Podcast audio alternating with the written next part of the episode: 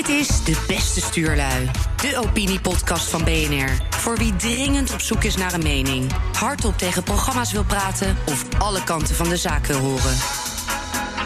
De beste stuurlui van deze week. Diewertje Kuipers. Ja, dan pas begint eigenlijk het echte probleem. Hoe ga je die vrouwen integreren op de werkvloer? Ewald Engelen. Men stapt in het privévliegtuig en men gaat door met business as usual. En Constantijn Roelofs. Het is ook zo koddig, zo humoristisch. En die mensen hebben gewoon echt niet door dat het heel grappig is wat ze doen.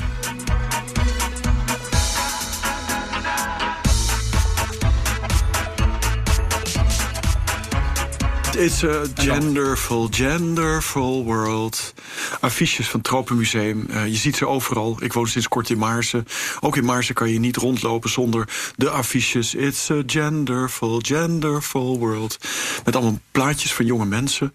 Uh, zwart, wit, vooral zwart en wit. Uh, en die kom je steeds maar tegen. En uh, op de een of andere manier ergert het me. Omdat ik de indruk heb dat dit de nieuwe frontlijn van progressieve identiteitspolitiek aan het worden is. Het is natuurlijk een hele oude frontlijn van uh, linkse identiteitspolitiek. Maar ook een nieuwe frontlijn van linkse identiteitspolitiek. Um, en dat wordt voor een deel ook wordt het. mijn ergernis wordt ook geprikkeld door wat er omheen gebeurt. En dat je dus in toenemende mate ziet dat de voornaamwoorden uh, objecten van, uh, van politieke strijd aan het worden zijn. Als je je onnadenkend, irreflexief hij noemt, dan is het heel duidelijk dat je nog niet beseft dat hij thuis hoort in een bepaalde genderopvatting die heel erg binair van karakter is. Je bent man of vrouw. Um, en dat uiteindelijk in, het in de irreflexieve modus ook allerlei biologische boventonen heeft. Nou, dat ergert mij in toenemende mate. Maar heb jij wel je privilege gecheckt voordat jij uh, deze. Nee, absoluut niet. En daar word ik dus ook meteen mee om de oren geslagen. ja. Nee, dat heb je helemaal juist. Als, uh... Ik ben natuurlijk een witte, uh, oude, oudere man. Ja. werkzaam aan een, aan, een, aan een universiteit. Met ja. alle privileges die daarbij horen. En macht. Dus ik, ik mag deze uitspraken überhaupt niet doen. Nee. dat is alleen maar. dat, dat zijn de transgenders, de cisgenders en al die andere mensen die zich in die positie bevinden. die deze uitspraken mogen doen. En, maar ik, ik absoluut niet. Uh, maar, maar, maar, tegelijkertijd, hè, ik bedoel, een van de dingen waar ik enorm mee in mijn maag zit. Uh, dat is wat mij betreft het grootste probleem van de laatste 20, 30 jaar. Dat is doorgeslagen, kapitaalmobiliteit. Daar hebben we de klimaatverandering aan te danken. Daar hebben we het verlies van biodiversiteit aan te danken. Daar hebben we de dalende arbeidsinkomensquota aan te danken. Daar hebben we de loonmatiging aan te danken. Daar hebben we met een wat ingewikkelde redenering ook de groeiende schuldenberg aan te danken. Uh, en, en daar moeten we met z'n allen rond mobiliseren.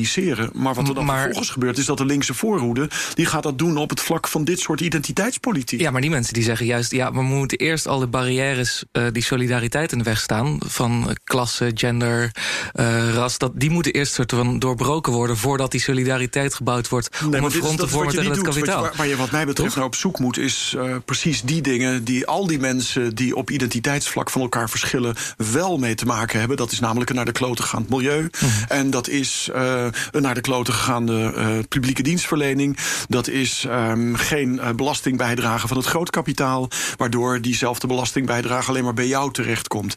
En we hebben allemaal belang bij een goed milieu. We hebben allemaal belang bij mooie, vitale natuur. We hebben allemaal belang bij een goede volkshuisvesting... goed onderwijs en goede zorg. Daar zouden we met z'n allen gezamenlijk moeten optrekken. Maar op het moment dat je in plaats daarvan constant gaat benadrukken... dat de witte onderklasse nog niet begrepen heeft... dat hij of zij ingewikkelde begrippen zijn, gaat die brede beweging in de strijd tegen uh, kapitaalmobiliteit niet plaatsvinden. Maar is dat dan geen, uh, geen zure appel waar we even doorheen moeten? Dat we nog eventjes al die laatste barrières... en dat we daarna dan uh, naar de... Ja, maar jij weet net zo goed als ik... dat uh, de lager opgeleide onderklasse en middenklasse haakt af... op het moment dat je met dit soort dingen gaat beginnen. Dat, dat denk ik maar dat is ik het probleem dat, van de discussie. Hij is ook vrij elitair. Hè? Als je ook in Nederland kijkt door wie de discussie wordt gevoerd... Ja, dat zijn toch een beetje de diplomatendochters... de dochters van invloedrijke politici... Hè, die dan hier in Nederland ook komen vertellen... wat een vrij uh, vanuit een vrij geprivilegeerde positie, als ik, uh, als ik dan zo vrij mag wezen. Waardoor juist, wat jij, jij noemde dan klasse. Maar als ik inderdaad naar die, die genderdiscussie kijk, denk ik, nou, hij is juist heel erg elitair. Want Absoluut. volgens mij zijn ja, ja. bijvoorbeeld mensen in de Bijlmer vooral bezig met het feit dat ze aan het eind van. Uh, de maand minder, van, ja, van de maand nog, overhouden. Ja, dan ja, ja, precies. Meer, de, meer, meer dagen dan geld in de portemonnee hebben. Ik denk dat dat echt reële problemen ook zijn van, van de lagere sociaal-economische klasse. En dat is iets waar deze hele discussie ook gewoon heel erg rukzichtloos over overheen stapt. Ja, dus ik zou juist zeggen dat met meer klassieke, gewoon, uh, het klassieke ja. linkse argument van, van klasse, dat wordt juist nu volledig overschreden ten behoeve van een elite, zou ik juist zeggen. Wat het daarmee ja, het minder traditioneel links maakt eigenlijk. Ja, nee, ik werd ook laatst op, een, uh, op Twitter werd ik uh, um, door een, een, een, telg uit de Leidse professorenadel... Uh, die echt al vijf generaties hoogleraars le levert. Um, en ik als, als working class katholiek werd ik maar verteld... dat ik even mijn privilege moest gaan checken. Ja. Omdat ik, dat vond ik, het, is, het is ook zo koddig, zo humoristisch. En die mensen hebben gewoon echt niet door dat het heel grappig is wat ze doen. En, en, en de rest van de wereld die niet in dat spel zitten... die niet in in de media zitten of die niet op de universiteit werken... die, die hebben gewoon een veel gezondere houding... ten aanzien van die mores binnen die groep. Die kijken naar zoiets en die denken... ja, dat klopt gewoon helemaal niet. Dat is gewoon Ja. grappig hoe dat geschreeuw zich... met die mensen met het paarse haar en de, Ja. en de xeer en de xeur. Als, als je baan daar niet van afhangt... dan is het heel, grappig, heel makkelijk om in te zien hoe absurd en grappig het is. ja, precies. Maar als je precies. baan er wel van afhangt, omdat je dus in die cultus zit... dan, dan moet je dat serieus gaan nemen. Het is, maar de keizer heeft niet echt heel veel kleren aan... als je er eh, van die Nee. identitaire keizer, zeg maar. De ergernis van Diewertje. En dan komen denk ik, misschien sluit ook wel een beetje aan met mijn eh, ergernis eh, die ik heb. Van bijvoorbeeld afgelopen week had het ministerie van Defensie besloten eh, dat de onderzeedienst nu ook open staat voor vrouwen. En daarmee is toch ook een laatste barrière geslecht in de zin dat alle militaire functies nu openstaan voor vrouwen. Nou, dat is natuurlijk heel goed nieuws voor de onderzeedienst. Daar komt natuurlijk bij kijken dat de fysieke eisen voor een onderzeedienst niet heel erg hoog zijn. Hè? Dus dat voor vrouwen ook relatief makkelijk instromen is. En dat er al heel veel landen zijn waar het wel goed gaat. Dus dat Nederland eigenlijk ook niet kon achterblijven. Eh, maar waar ik wel voor vrees, en dat raakt ook een beetje aan deze eh, ja, eh, genderdiscussie en het, het, het diversiteitshorlepiepdansen en hippie hoera. Eh, want dat zijn natuurlijk wel functies die open zijn gesteld, ook voor vrouwen, bijvoorbeeld korpsmariniers. Maar er zitten wel hele zware fysieke eisen aan. Nou, gelukkig heeft Nederland besloten niet aan die fysieke eisen te tornen. Maar het wordt gedaan alsof daarmee de emancipatie van de vrouw compleet is. Terwijl ik zou zeggen, nou, de volgende stap is juist om het integreren van vrouwen op een voorheen exclusieve mannelijke werkvloer. En dus alleen met de fysieke eisen behalen, voor zover vrouwen daar al soms toe in staat kunnen zijn. Want we hebben kleinere harten, 30% minder spiermassa. Dus moeten 20 tot 40% harder werken om dezelfde fysieke prestaties te leveren als mannen. Dus ervan uitgaande dat er überhaupt al één of twee vrouwen misschien die test en die opleiding ooit gaat halen. Ja, dan pas begint eigenlijk het echte probleem. Hoe ga je die vrouwen integreren op de werkvloer? Um, en waardoor ik uh, getriggerd werd, om maar even in de terminologie te blijven. Precies, was dat uh, naar aanleiding van de onderzeedienst werd ook gezegd, nou, er is een pilot gedraaid. Dat ik denk, nou, dat is juist positief, want dan ga je kijken, werkt het? Hè? Wat zijn dingen die we moeten leren? Maar er werd tegelijkertijd bijgezet van, uh, ja, nee, dat was niet om te kijken of het überhaupt goed zou gaan, maar wat we zouden moeten aanpassen. En daar maak ik me dus zorgen over, want wat doe je op het moment dat blijkt dat de groepsdynamiek dermate snel wordt veranderd of uh, dermate effecten heeft dat er kwaliteitsverlies komt. Uh, want ik als burger wil natuurlijk wel graag een effectieve krijgsmacht. Uh, er zijn in Amerika en Israël ook experimenten geweest, zeker bij de zwaardere gevechtsfuncties, waarbij ze merkten dat er dingen waren zoals mannen durfden niet alleen directe kritiek niet zo snel meer te geven op vrouwen, omdat ze bang waren te kwetsen, maar het ging soms zelfs zo ver dat ze de missie lieten varen om hun vrouwelijke collega's te beschermen. En daarnaast is het ook een risico voor vrouwen zelf als er gemorreld gaat worden op een gegeven moment aan die fysieke eisen, omdat ze dan toch ook vaker gewond raken uh, en ook eerder te maken krijgen met fysieke klachten. En dat is in Amerika enigszins wel gebeurd, juist ook om te voldoen aan die diversiteitsquota. Um, dus dat is iets waar ik me dan wel zorgen over maak. Als je dat zelfs ziet bij zoiets vrij hè, uh, recht toe rechts aan als de krijgsmacht, dat je daar zelfs niet zeker kan zijn of de organisatie man genoeg is of ballen genoeg heeft, om het maar even uh, grof te zeggen, om inderdaad, als blijkt dat de groepsdynamiek uh, te kosten gaat van de kwaliteit, om dan te zeggen, misschien moeten we hier maar geen vrouwen bij toevoegen. En of we die discussie met z'n allen aandurven, uh, dat vraag ik me echt ten zeerste af. Hmm. Maar gaat hier, is dit een quotaregeling? Want dat betekent inderdaad dat je wettelijk verplicht bent om. Nee, er is geen quotaregeling. Nee, nee, er is gelukkig dus wel fysieke zal, eisen waar je ja, aan moet ja, voldoen. Ja, ja. Dus het, uh, het, inderdaad. het probleem zal waarschijnlijk in de praktijk tamelijk beperkt blijven. Ja, ja uh, precies. En, en, en, ja, dat betekent dus dat al die vrezen die jij hebt wellicht zich niet zullen voordoen. Uh, en, en aan de andere kant hebben we natuurlijk ook gewoon allerlei, wat is het, ervaringen met bijvoorbeeld de grote patriotische oorlog in de Tweede Wereldoorlog. Dat in het Russische leger heel veel vrouwen gewoon effectief uh, gevechtstaken op zich namen. Ik kan me bijvoorbeeld herinneren dat ik tegengekomen ben dat heel veel sluipschutters, uh, Stalingrad en andere delen van Rusland, dat soort grote ja, Dat is echt zo'n cultus ja, rondgebouwd, hè? Die vrouwelijke... Nou, dat weet ik niet of dat alleen maar een cultus is, want volgens nou, mij is dat nee, ook gewoon wel empirisch correct. Jawel, ja. En vervolgens is dat inderdaad gepresenteerd als, we het hoorde helemaal bij het verhaal dat Stalin na de Tweede Wereldoorlog verteld heeft. Dit is de grote patriotische oorlog waarin iedereen, uh, man en vrouw, gezamenlijk de Ja, vrouwen hebben zich gelukkig ook wel bewezen gewoon in elke gevechtsfuncties. Hoor. Dus ik zeg niet dat het helemaal niet mogelijk is. Maar er zijn bij de Korps Commando en Korps Mariniers, en dat zie je natuurlijk ook in Amerika. Kijk, de vrouwen die het halen, ja, dat zijn vrij hoekige dames, om het maar even voorzichtig uit te drukken. uh, en, did you just assume? I did just assume gender, ja, yeah, I did that. Uh, maar daar zie je ook inderdaad van, zelfs dan, uh, ook al voldoe je aan die fysieke eisen, dan zie je toch die groepsdynamiek ook veranderen. en zeker met die zwaardere gevechtsfuncties is dit wel gewoon een issue. Al is het alleen maar vanwege maar, de biologische bedoel, diversiteit. Maar heel cru te zeggen, Mai Lai, de, de, de, de excessen van Amerikaanse GI's in Vietnam, waarin ze gewoon mm -hmm. hoppa, volkomen door het dolle gingen en een heel dorp uitmoorden, man, vrouw, kind. Uh, zou jij suggereren, willen suggereren dat als die gevechtseenheid had bestaan uit, laten we zeggen, 25% vrouwen, 75% mannen, dat dit drama zich niet had voorgedaan? Dat het zou natuurlijk ook kunnen zeggen dat het, een, dat is heel moeilijk. Een beperkende, een beperkende invloed Nou zeker, je ziet ook bijvoorbeeld... Uh, nou, nou ja. er is, er is een, een antropologe, uh, Margaret Mead, die heeft daar onderzoek naar gedaan. En die zei van ja, vrouwen mogen niet meedoen dat ze te fanatiek zijn. En ik denk dat het, uh, als je bijvoorbeeld naar de Israëlische casus kijkt... gewoon de, de, hele onderdrukking van, van het Palestijnse volk gebeurt ook op een 50-50 genderneutrale basis. Omdat in Israël iedereen dienstplichtig is. Dus ik denk niet, niet echt dat, dat, dat de oorlogsmisdaden voorkomen worden door de inzet van vrouwen. Dat, ik denk dat je wel dus geen bewijs voor. Ik denk dat je wel effectiever kan worden als krijgsmacht. Hè? Om zo maar te zeggen, dat zijn bijvoorbeeld de ervaringen van Nederland in Afghanistan. Uh, dat het voor, in die cultuur is het veel makkelijker voor een Afghaanse vrouw om met een, uh, een vrouwelijke militair te praten en informatie en dus ook inlichtingen te delen. Omdat die grens natuurlijk nou eenmaal gewoon wat, wat groter is met mannen. Dus als je effectief wil zijn ook als krijgsmacht, zou ik juist zeggen, moet je ook zeker vrouwen ook uh, toevoegen. Maar inderdaad, met natuurlijk wel de kanttekening dat je eerlijk moet zijn van in welke gevallen zorgt deze mix voor een hogere effectiviteit en een grotere kwaliteit van onze inzet, dan moet je dat vooral doen. Maar mijn dit zijn natuurlijk de leuke verhalen. Uh, net als met de onderzeedienst. Het is een mhm. positief verhaal. Dat is natuurlijk heel erg leuk. Uh, maar mijn vraag is natuurlijk, ja, wat op het moment dat uit of het een ervaring nou is of een pilot, blijkt dat het juist de effectiviteit ondermijnt, uh, zo'n gemengde werkvloer. Wat durven we dan die discussie ook nog steeds aan? en dat betwijfel ik of dat mogelijk is. Zou kunnen. De disclaimer onder deze hele discussie is natuurlijk dat we alle drie vooronderstellen dat er aanwijsbare verschillen tussen man en vrouw zijn.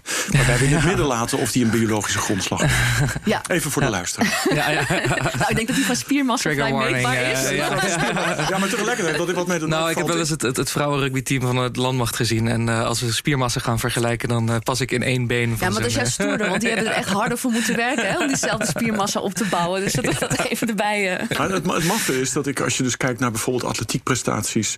Uh, de verschillen tussen mannen en vrouwen op de marathon... die zijn heel snel aan het afnemen. Ja, en dat zijn natuurlijk de duursporten. Dus de duursporten blijken, blijkt een soort convergentie... tussen mannelijke en vrouwelijke prestaties zich voor te doen. Wat natuurlijk best, best fascinerend is.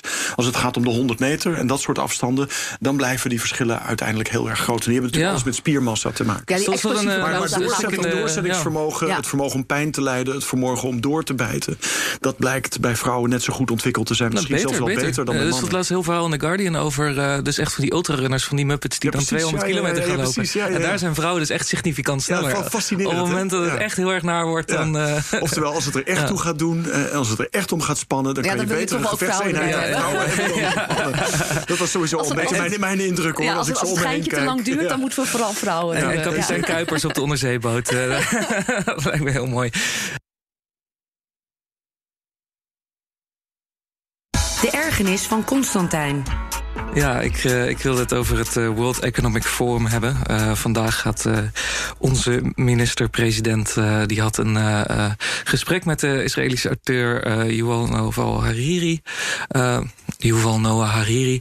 over de uitdagingen van de toekomst. En ik vind het altijd zo grappig van Davos... dat ze altijd, of Davos moet je eigenlijk zeggen als je chic bent, geloof ik. Ja, ja, ja dat, ik ben ook vaak gecorrigeerd. Ja, precies. Ja, Davos, hè. Ja. ja. Is dat Mali? Ja, ja, nee, nee, het is een beetje zo'n ijskast koelkastdiscussie. Als je Davos zegt, dan, dan heeft je familie er een chalet. En als je da Davos zegt, dan, dan niet. En als je Davos zegt, en dan, dan uh, Davos, lekker, dan kom, ja.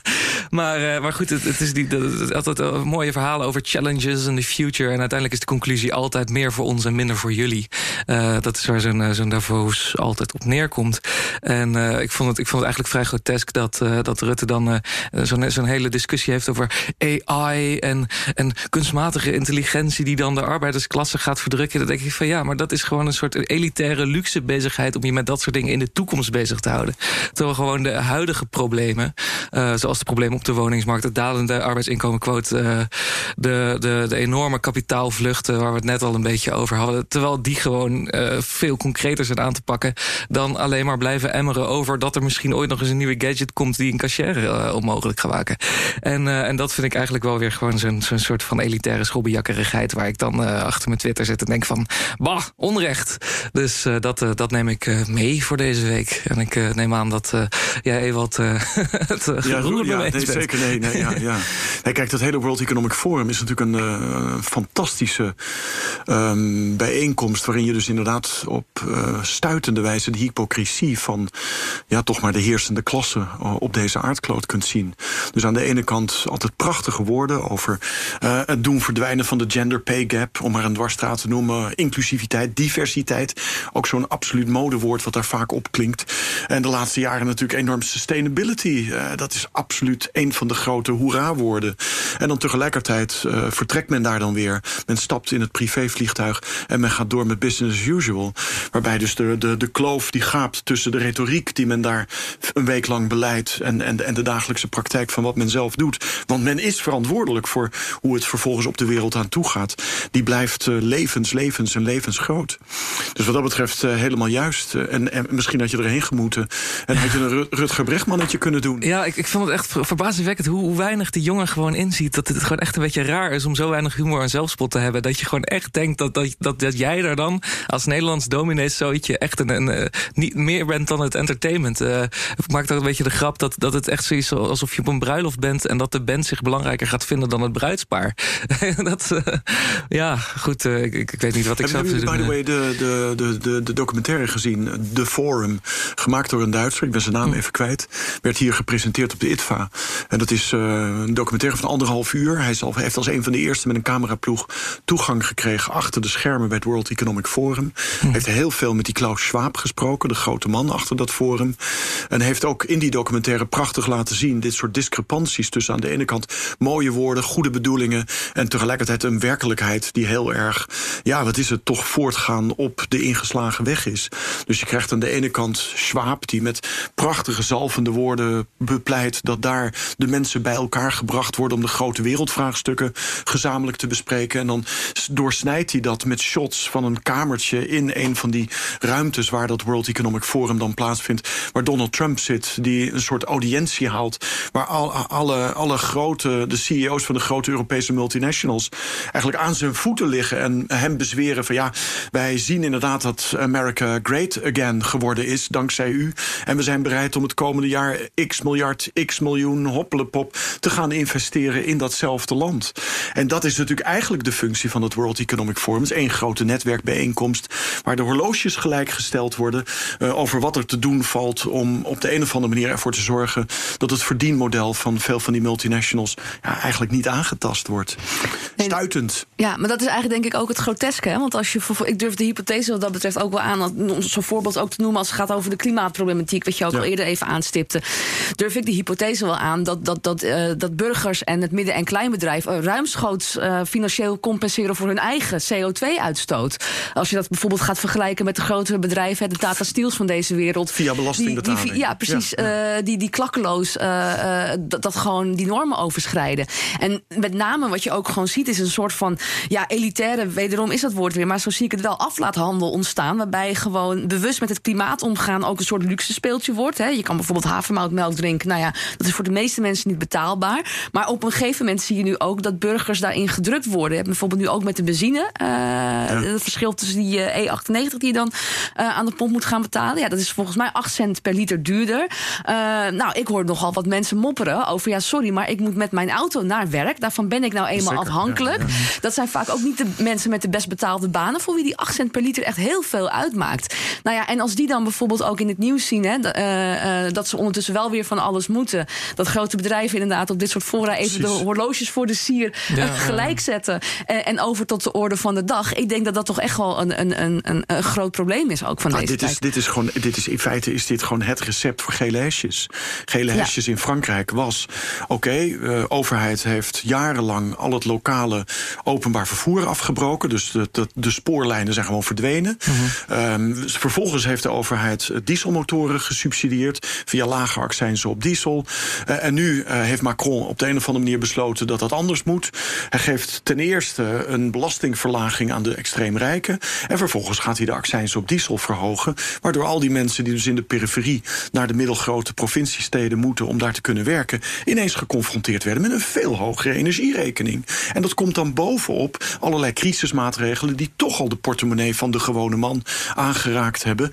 En, en die hebben besloten van ja, dat gaan wij dus niet meer doen. En iedere zaterdag hebben ze dus al die pleintjes op al die rotondes in heel Frankrijk proberen te bezetten. Om op de een of andere manier duidelijk te maken dat dat wat hen betreft um, zo niet verder kan.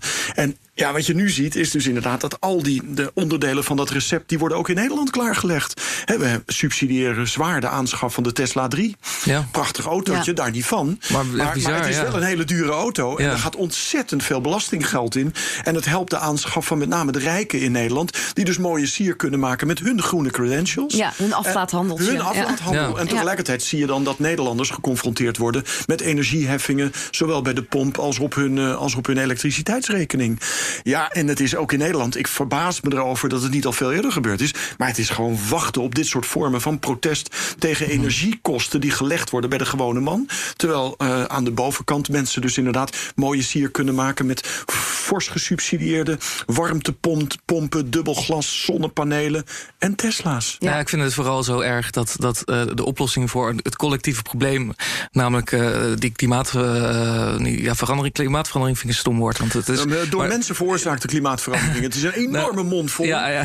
Maar daar gaat het eigenlijk om. Het, het, het, het vertiefde van onze leefomgeving. Dat het collectieve probleem dat dat nu wordt uh, opgelost door zo'n cultus te bouwen rond individuele consumptie. Rond ja, individuele consumptie van elektrische auto's in plaats van meer trams. En uh, uh, warmtepompen in plaats van stadsvarken. Dat soort dingen. Dat, dat het de hele tijd wordt. Het wordt voor collectief probleem wordt een, een oplossing gezocht in individuele consumptie. Ja, Zo'n narcistisch tijdperk. Ja, maar ook het verkeerde niveau van analyse natuurlijk sowieso ook om het probleem te lijf te gaan. En wat je ook doet, als nou ja, moet je maar eens de Volkskrant beslaan. Dat is elkaar continu de maat nemen, weet je wel. Van, ja, uh, ja uh, heb, heb je al dit, heb je al uh, je handdoeken opgeknipt? Want die kan je recyclen als vaatdoekjes. en heb je al dit en heb je al dat? Waarbij je gewoon continu mensen ook een beetje tegen elkaar opzet in die zin. Van ja, ben jij wel groen genoeg? Ben jij wel klimaatneutraal genoeg? in plaats van inderdaad mensen helpen om onderdeel van dat collectief uit te maken om een probleem te lijf te gaan. Ja, maar, maar je ziet het ook die kloof met die, met die politieke verantwoording, ook die losgezogenheid. Hè. Bijvoorbeeld wat net ook over die warmtepomp en het hele idee van, van het gas af. Dat bijvoorbeeld ook zo'n Diederik Samsons zegt van ja, maar we hebben over maar 10.000 euro. Ja, ik weet niet of jij ze in je zak hebt zitten. Hoeveel socialisten ken je die uh, eh, 10.000 euro uh, ja, nee, Tegelijkertijd heb je ook allerlei analyses van het Nibud, waaruit dus blijkt dat heel veel gezinnen, heel veel huishoudens, hebben dus nauwelijks voldoende reserve om bijvoorbeeld een nieuwe ijskast of een nieuwe wasmachine te kopen. Ja, ja maken zich precariat, hè? Die één uh, kapotte versnellingsbak van de armoede verwijderd. Ja. Uh, nee, maar ik vind dit wel een moeilijke. Want aan de ene kant, ik bedoel, als je dus tegelijk. Ik ben, ik ben het ermee eens dat het analyseniveau eigenlijk hoger zou moeten liggen. En dan gaat het over wetgeving, dan gaat het over regelgeving. En dan gaat het ook over het afdwingen van die regelgeving. En dat is allemaal een politieke kwestie. Dus dat moet. Ik bedoel, dat is een meer systemische kant van het probleem. Maar als je tegelijkertijd constateert, eh, denk aan de World Economic Forum in Davos. Davos, Davos. Ja. Uh, denk daaraan, dan, dan zie je dus ook dat er de, de, de, de, de, de, de, de, de gevestigde macht is zo goed gepositioneerd om iedere poging om tot andere regelgeving en wetgeving te komen te blokkeren. Dat je op, op een bepaald moment als burger ook wel een beetje radeloos wordt. En dat je dus op zoek gaat naar wat jij dan zelf kan doen. En, en wat jij zelf kan doen, dat is dus inderdaad van nou oké, laat ik maar een, laat ik hier minder vliegen. Laat ik maar mhm. kijken of ik uh, een wat zuinigere auto kan kopen. Laat ik maar kijken of ik uh, wat meer met vleesvervangers kan doen. Of groenten in plaats van vlees uh, kan gebruiken voor mijn maaltijden. Uh, want meer dan dat is er eigenlijk niet. En je wil toch, op zeker als je overtuigd bent van het feit dat we te maken hebben met mens veroorzaakte klimaatverandering. en dat dat hele nadelige lange termijn effecten gaat hebben. Ja, dan wil je wel wat doen. Steentje bijdragen. Ja. En, dit is het. Het is ook je steentje bijdragen. En, en, ik zie ook wel dat het tegelijkertijd doorslaat. Dat het allerlei narcistische uh, kanten gaat krijgen. Ja, maar het is geen reden om kiloknallers ostentatief nee, in, je, in je wagentje te komen. Dat, dat, dat, is natuurlijk het andere uiterste. dus je, je wil wat doen.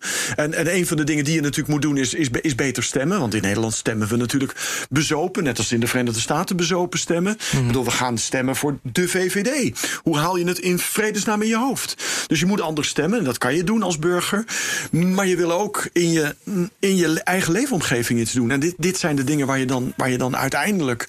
Ja, wat, wat, wat, wat, dan, wat dan resteert. Ja, maar is dat dan niet, is dat het niet eigenlijk ook een beetje weer terug naar dat, dat identitaire? Uh, juist door wat uh, mensen die een hele identiteit uh, baseren op, op, hun, op hun lifestyle choices. doe, ik ben nu alleenstaand en ik zit wel eens op een dating app. En dan zie je dus van die mensen die als eerste over zichzelf in een bio zetten vegan. Ja, Weet je, als dat kernpunt van een. ja. En, maar kijk, een van de dingen die natuurlijk toch thuis horen in het, het neoliberale tijdsgewricht mm. waarin we zitten, is dat we alle dragers van collectieve identiteit hebben eigenlijk de afgelopen decennia afgebroken. Vakbondslidmaatschap, uh, kerkgenootschap, lidmaatschap, allemaal van dat soort meer collectieve identiteitsdimensies zijn allemaal weg. We hebben nog maar één ding en dat is uh, een beetje een partij. Uh, het is onze, onze gender, onze seksuele voorkeur. en, en, en verder hebben we alleen nog maar lifestyle choices. Dus het is ook gewoon een effect geweest van, van 30 jaar neoliberale kaalslag. Waarin alle dingen die we gezamenlijk zouden kunnen doen, die dus als het ware voertuigen van collectieve mobilisatie zouden kunnen zijn, die zijn verdwenen. Dat is allemaal weg. Ik bedoel, kijk, hoe, hoe Partij van de Arbeid gaan we daar dan had aan het doen, einde van de jaren 70 nog 200.000 leden in Nederland. Dat is allemaal verdwenen. Ja, nou, Politieke partijen ja. doen dit niet meer. Vakbonden zijn inderdaad nog wel een van de grootste ledenorganisaties van Nederland. Maar het is niets meer in vergelijking, vergelijking met wat het in de jaren 70 was. Hmm. De, de, de, de, de, de, de ANWB is de grootste ledenorganisatie. Op de voet gevolgd door Vereniging Eigen Huis. Nou, dat zegt ook zoveel over wie we geworden zijn. En dat was volgens mij ook het mooie. Was laatst volgens mij, als ik me niet vergis, in een Volkskrant column. Daar stond ook, ging het met name over de afbraak ook. Hè, van bijvoorbeeld subsidie en fondsen voor dingen zoals muziekscholen, sportverenigingen. en er stond een hele mooie zin die ik gewoon ook heb onthouden van. Hè, de regering Rutte ziet het grote niet meer in het kleine. Hè, dus niet meer de meerwaarde inderdaad van die collectieve structuren. En ook de rol die ze spelen binnen de samenleving. Ook, En ook binnen gemeentes en, en, en, en dorpen in Nederland. In ieder geval, ik het zo zeggen, buiten de hoogopgeleide randstad die voor zichzelf het allemaal wel goed kan regelen. Uh, ik denk dat je daar ook het, uh, nog een verschil in ziet. Absoluut. Ja. Ja, nee, dat, eh, dat is ook echt absurd dat uh, bijvoorbeeld nu dan zo'n InvestNL... dat wordt dan uh, opgericht om, om, om projectfinanciering te doen uh, voor de energietransitie. En dan weet je gewoon, daar gaan gewoon laadpalen gebouwd worden voor die Tesla-rijders. Terwijl je beter gewoon als overheid gewoon lekker trammetjes kan gaan bouwen. belastinggeld, hè? Het is gewoon belastinggeld. Ja, ja, ja. met de pet. Dat. Ja. Of Trien met de muts. Ja, die hebben er ook aan bijgedragen. Ja, ja, en die zullen er nooit, of pas over een hele lange termijn, iets aan hebben. Ja, je hoeft voor minder dan 5 miljoen niet aan te komen. dus ik denk dat de meeste... ja, ja, ja. Eh, Dit was weer een aflevering van De Beste Stuurlui. Een opiniepodcast van BNR. Alle afleveringen zijn terug te luisteren op bnr.nl/slash podcasts, iTunes en Spotify. En hou je roer recht.